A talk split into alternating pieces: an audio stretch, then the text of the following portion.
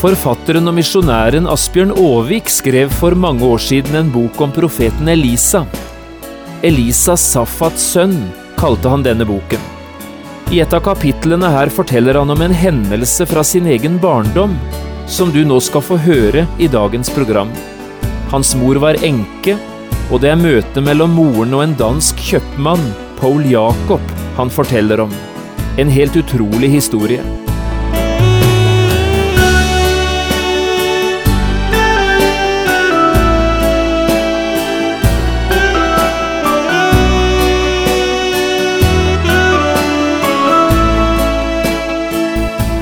Hjertelig velkommen til et nytt program i serien Vindu mot livet. Programmet er produsert av Kristen Riksradio og blir ledet av Jon Hardang. Kristen Riksradio drives av frivillige gaver. Vi er glade for din støtte.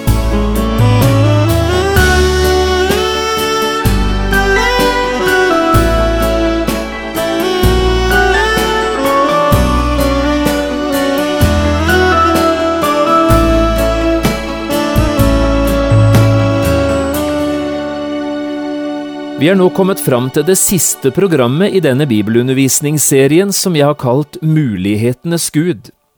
Vi har i denne programserien prøvd å løfte fram et bilde av Gud, som mulighetenes Gud, men dermed også av de utrolige mulighetene som åpner seg for alle dem som vil leve sitt liv i samfunn med denne Gud. Du kan få kjøpt hele programserien på CD ved å henvende deg til P7 Kristen Riksradio.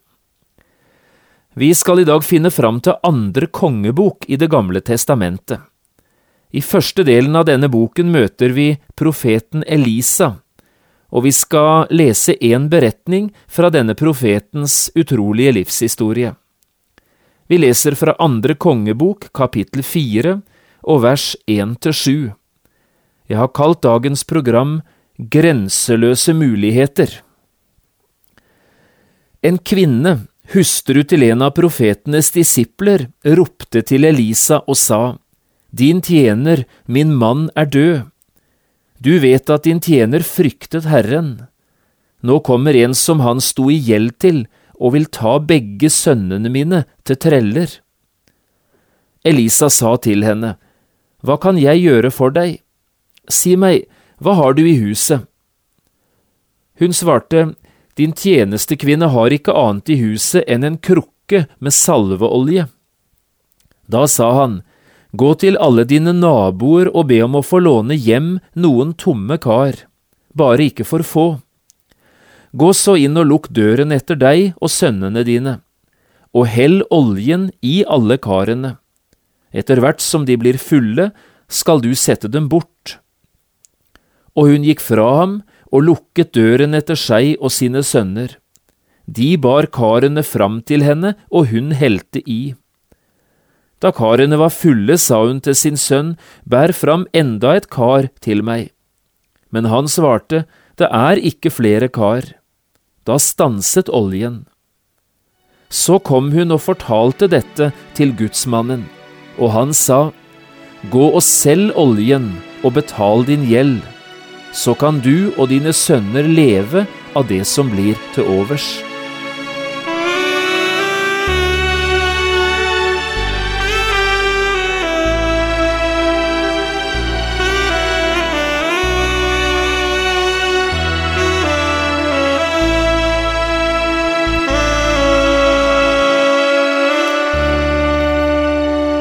På selveste julaften i året 1866 ble det født en liten pike et sted ute på østkysten av USA.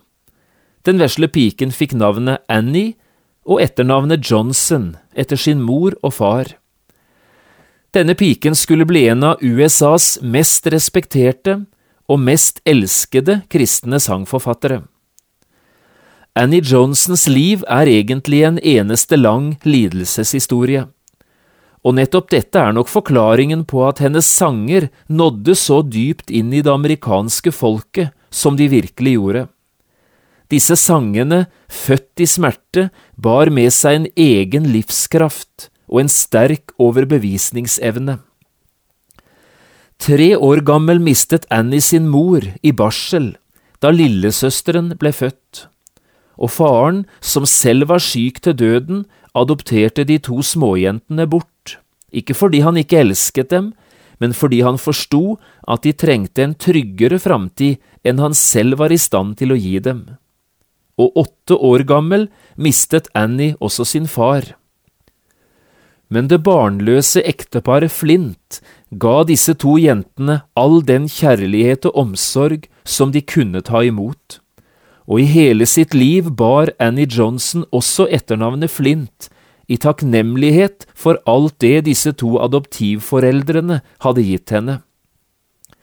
Tragedie nummer tre møtte Annie i tenårene, da hun med ganske kort tids mellomrom mistet begge sine adoptivforeldre. Annie bar drømmen om å bli lærer.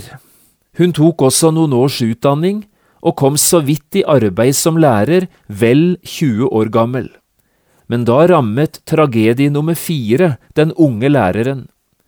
Hun ble angrepet av en hissig revmatisk sykdom, og fikk beskjed om at hun i løpet av ganske kort tid kunne regne med ikke lenger å være i stand til å gå. Og det gikk som legene sa, fra tidlig i 20-årene ble hun lagt inn på et behandlingshjem for pasienter med denne revmatismen, hvor hun siden ble boende inntil sin død i 1932. 66 år gammel. Allerede i barneårene viste Annie Johnson Flint at hun hadde spesielle poetiske evner og en sterk lyst til å skrive. Dette skulle da også bli hennes store livsgjerning. Hun skrev helt inn til sin død. De siste årene satt hun i sengen sin, ble støttet opp av flere puter og med sine forvridde og hovne fingre forsøkte hun helt til det siste å feste til papiret de ordene som fremdeles vellet fram fra den rike kilden inni henne. Nå er det ikke mange av Annie Johnson Flints sanger vi har brukt i Norge, men én sang kjenner vi. Den ble skrevet i 1928, fire år før hun døde, og er en skjønn beskrivelse av den Gud som vi har snakket så mye om i denne programserien, Mulighetenes Gud. Jeg har sett sangen i norsk språkdrakt, men det er nok i den svenske oversettelsen vi best kjenner den, også her i Norge. I dag hadde jeg lyst til å sitere litt av denne sangen for deg, og med Annie Johnson Flints livshistorie som bakgrunn taler nok disse ordene fremdeles sitt sterke språk. Hør på dette. Han gjer mer av nåd, når min børda blir større, når arbeidet vekser, mer kraft han beter. Vid økade trongmål hans kjærleik fordublas, når prøvningar møta, sin frid han meg gjer. Og så kommer refrenget. Hans kjærleik er grenseløs, hans nåd er uendelig, hans kraft ingen menneske har utforskat enn. Ty av sina veldiga, eviga skatter, han giver og giver og giver igjen. Og jeg har også lyst til å ta med det andre verset. Hør på dette. nær alt hva vi ekt ut av mot synes svika, når kraften er tømd, fast en dag ei er slutt, når vi har nådd botten av tilgångar egna, vår Fader då endast begynt at ge ut. Jeg synes dette er en fantastisk skildring av en stor og rik Gud, gitt oss av en kvinne som nettopp på grunn av sin egen livssituasjon hadde bruk for denne Gud, mulighetenes Gud. Historien jeg nå har fortalt, og sangen jeg nettopp siterte, tar oss også med rett inn i den situasjonen som tegnes for oss her i andre kongeboks fjerde kapittel. Jeg regner med at du fikk med deg det meste av det vi leste, men la oss likevel tegne situasjonen med enkle streker. Døden var altså kommet som en ubuden gjest til det hjemmet vi her hørte om. En mor var blitt enke og to sønner farløse. at han som ektemann og familiefar trodde på Gud og ønsket å bruke livet sitt i Herrens tjeneste, kunne likevel ikke forhindre tragedien. Far var borte, og tilbake satt kone og barn, med savnet og med en stor gjeldsbyrde. Og nettopp denne gjeldsbyrden var årsaken til at dødsfallet og begravelsen ikke ble det eneste som påførte den nybakte enken både sorg og fortvilelse. Hennes ord til profeten Elisa forteller vel det meste. Min mann er død, og nå kommer en som han sto i gjeld til, og vil ta begge sønnene mine til treller. Dermed var hun i ferd med å miste ikke bare én, men tre av sine kjære. Denne situasjonen er som et eneste stort nødskrik, både til Gud og mennesker, et rop om hjelp. Og hjelpen, den kom, men ganske sikkert på en måte som ingen hadde kunnet forestille seg på forhånd. Mulighetenes Gud gjorde i hennes liv enda en gang det umulige mulig. Hjelpen kom altså på en ganske overraskende måte. La oss sitere litt en gang til det vi leste. Elisa sa til henne, Hva kan jeg gjøre for deg? Hva har du i huset ditt? Hun svarte, Din tjenestekvinne har ikke annet i huset enn en krukke med salveolje. Da sa Elisa, Gå til alle dine naboer og be om å få låne hjem noen tomme kar, bare ikke for få. Gå så inn og lukk døren etter deg og dine sønner, og hell oljen i alle karene. Etter hvert som de blir fulle, skal du sette dem bort. Jeg vet ikke hva du tenker når du hører disse ordene, men selv tenker jeg på to ting. For det første, den utrolige frimodigheten og tryggheten som stråler frem fra denne profeten Elisas liv. Det er tydelig at han kjenner Gud som mulighetenes Gud, og vet at Guds varemerke alltid er å gjøre det umulige mulig. Og profeten Elisa er dristig. Alle dine naboer, sier han, og tomme kar, bare ikke for få. Slike ord vitner om en stor tro på en stor Gud. Og så det andre. Profeten Elisa tok utgangspunktet i det den hjelpeløse kvinnen hadde, altså ikke det hun manglet. Hva har du i huset? Og den ene krukken hun hadde, og den siste salveoljen som fantes, det ble utgangspunktet for det store underet. I dag har jeg lyst til å si, mulighetenes Gud har ikke forandret seg. Som han var den gangen, slik er han også i dag. Mulighetenes Gud er fremdeles den hjelpeløses hjelper. Men så leste vi videre om eh, det som skjedde. Hun gikk fra ham, står det, og lukket døren etter seg og sine sønner. De bar karene fram til henne, og hun helte i. Da karene var fulle, sa hun til sin sønn, Bær fram enda et kar til meg. Men han svarte, Det er ikke flere kar. Da stanset oljen.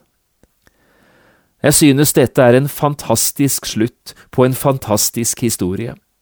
Og igjen får jeg et par tanker. Den første er dette, begrensningene lå altså ikke hos Gud, men hos kvinnen.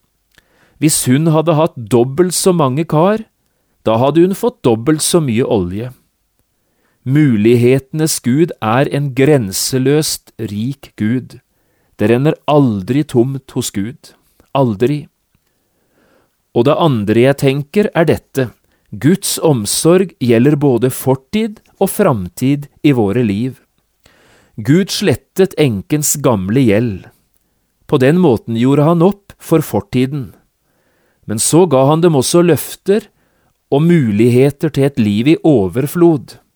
Slik trygget han denne familiens framtid. Heller ikke her har mulighetenes Gud forandret seg.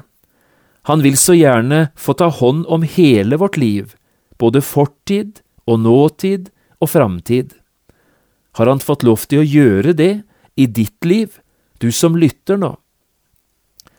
Ja, sier du kanskje, det er jo en fin historie, den du har lest i dag, men én ting er en enke og hennes to sønner, en annen sak er meg og mitt liv. Hva kan denne historien egentlig lære meg i dag? Misjonæren og forfatteren Asbjørn Aavik har skrevet en bok om profeten Elisa, altså denne profeten som vi leste om i dag. Elisa Safats sønn, kalte han boka si. Et av kapitlene i denne boka handler nettopp om den historien vi har lest i dag, altså om enken som var i nød. Og i dette kapitlet forteller også Asbjørn Aavik en hendelse fra sitt eget barndomshjem, som jeg nå har lyst til å gjengi etter slutt i dagens program. Asbjørn Aavik forteller det slik, og nå siterer jeg ordrett slik han skriver det. Jeg var visst åtte år, og det var ettermiddag. Mor sa vi skulle ro over sundet til kjøpmannen. Han var dansk innflytter. Paul Jacob hette han. En kristen var han òg, og hadde i mange, mange år drevet søndagsskole i det lille skolehuset der på den andre siden av sundet. Vi brukte ro over der om søndagene, hvis ikke sjøen gikk altfor vill og skummende så de voksne ikke ville gi oss årene. Men denne hverdags ettermiddag lå sjøen blank og stille. Jeg rodde, mor satt på toften rett imot, en tom kurv sto på en tilje. Ikke et ord ble sagt mens jeg prøvde å dyppe årene i takt med ettermiddagens fløyelshav. En og annen gang kikket jeg bort på mors ansikt. Det var mørkt og ubegripelig trist. Og som vi nærmet oss en brygge på den andre siden av sundet, hadde denne sorgen bredt seg videre ut. Et par ganger tenkte jeg å spørre hva det var, men jeg holdt inne. Våget det ikke. Bremset bare godt med årene så vi skulle ta land uten å merke det. Et støt mot en bryggesten nå ville bety skjenn fra et så mørkt ansikt. Så sto vi der, ved disken hos Paul Jacob, og mor hadde lagt i kurven det hun skulle ha den dagen. Så tok hun opp en slitt pung fra en lomme i skjørtet og betalte. Da var det at dansken dro ut en skuff og la en forunderlig bok på disken. Den var uformelig, lang og smal, men tykk. I denne boken bladde han seg fram til et navn på en side. Jeg strakte meg på tå for å se, jo, der øverst på siden sto min mors navn. Jeg leste bakvendt og kikket opp i mors ansikt. Hun fulgte mannens finger nedover en rekke tall, helt ned til en sluttsum. Med fingeren på dette tallet ser han opp. Du skylder dette. Jeg vet det. Så ble det en lang pause. Det var ikke andre i butikken nettopp da.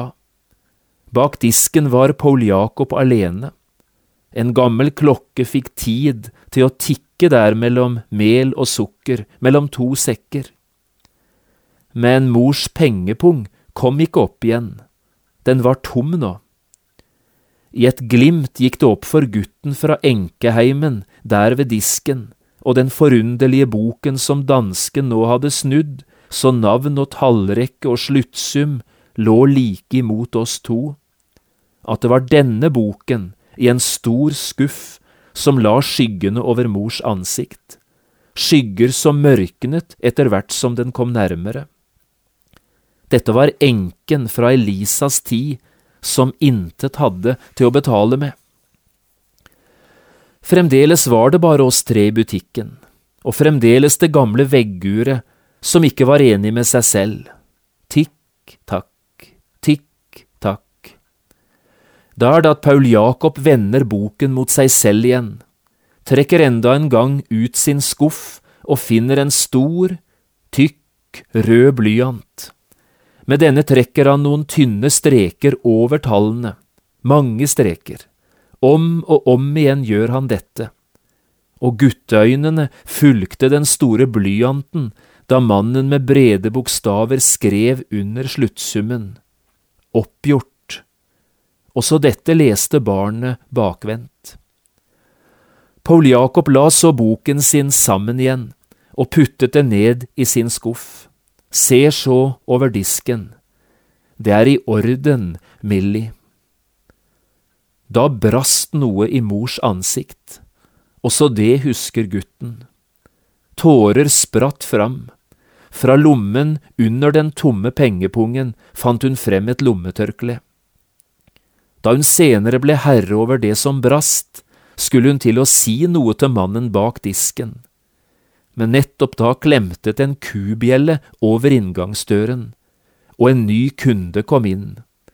Paul Jakob vinket til oss, God tur over sundet. Tilbake igjen var jeg fremdeles ved årene, på toften rett imot satt mor. Jeg så opp og syntes de tunge rynkene var blitt borte, de mørke skyggene òg. Hun møtte barnets blikk, og et smil kom i dagens sol. Så flink du er blitt til å ro, gutten min.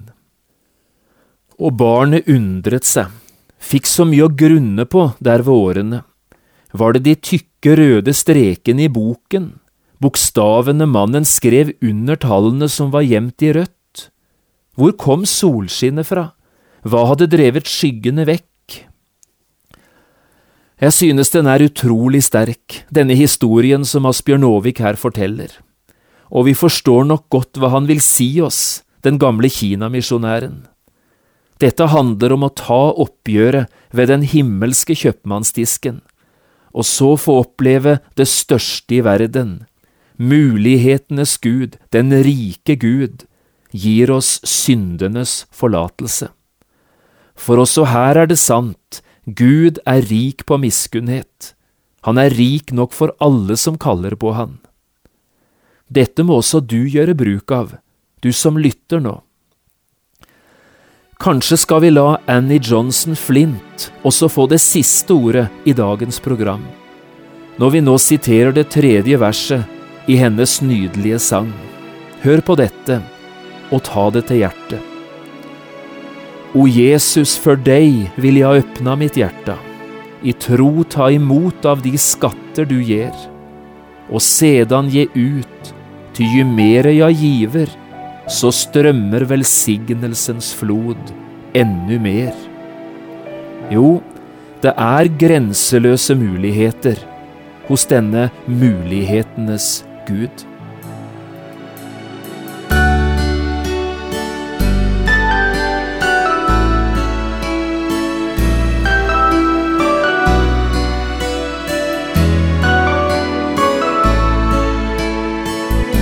Du har lyttet til programmet serien Vindu mot livet med John Hardang.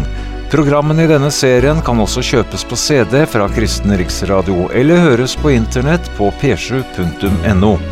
Har du spørsmål eller kommentarer til det du nå har hørt, kan du ta kontakt med oss. Adressen er Kristen Riksradio, Skiene 2, 5353 Straume.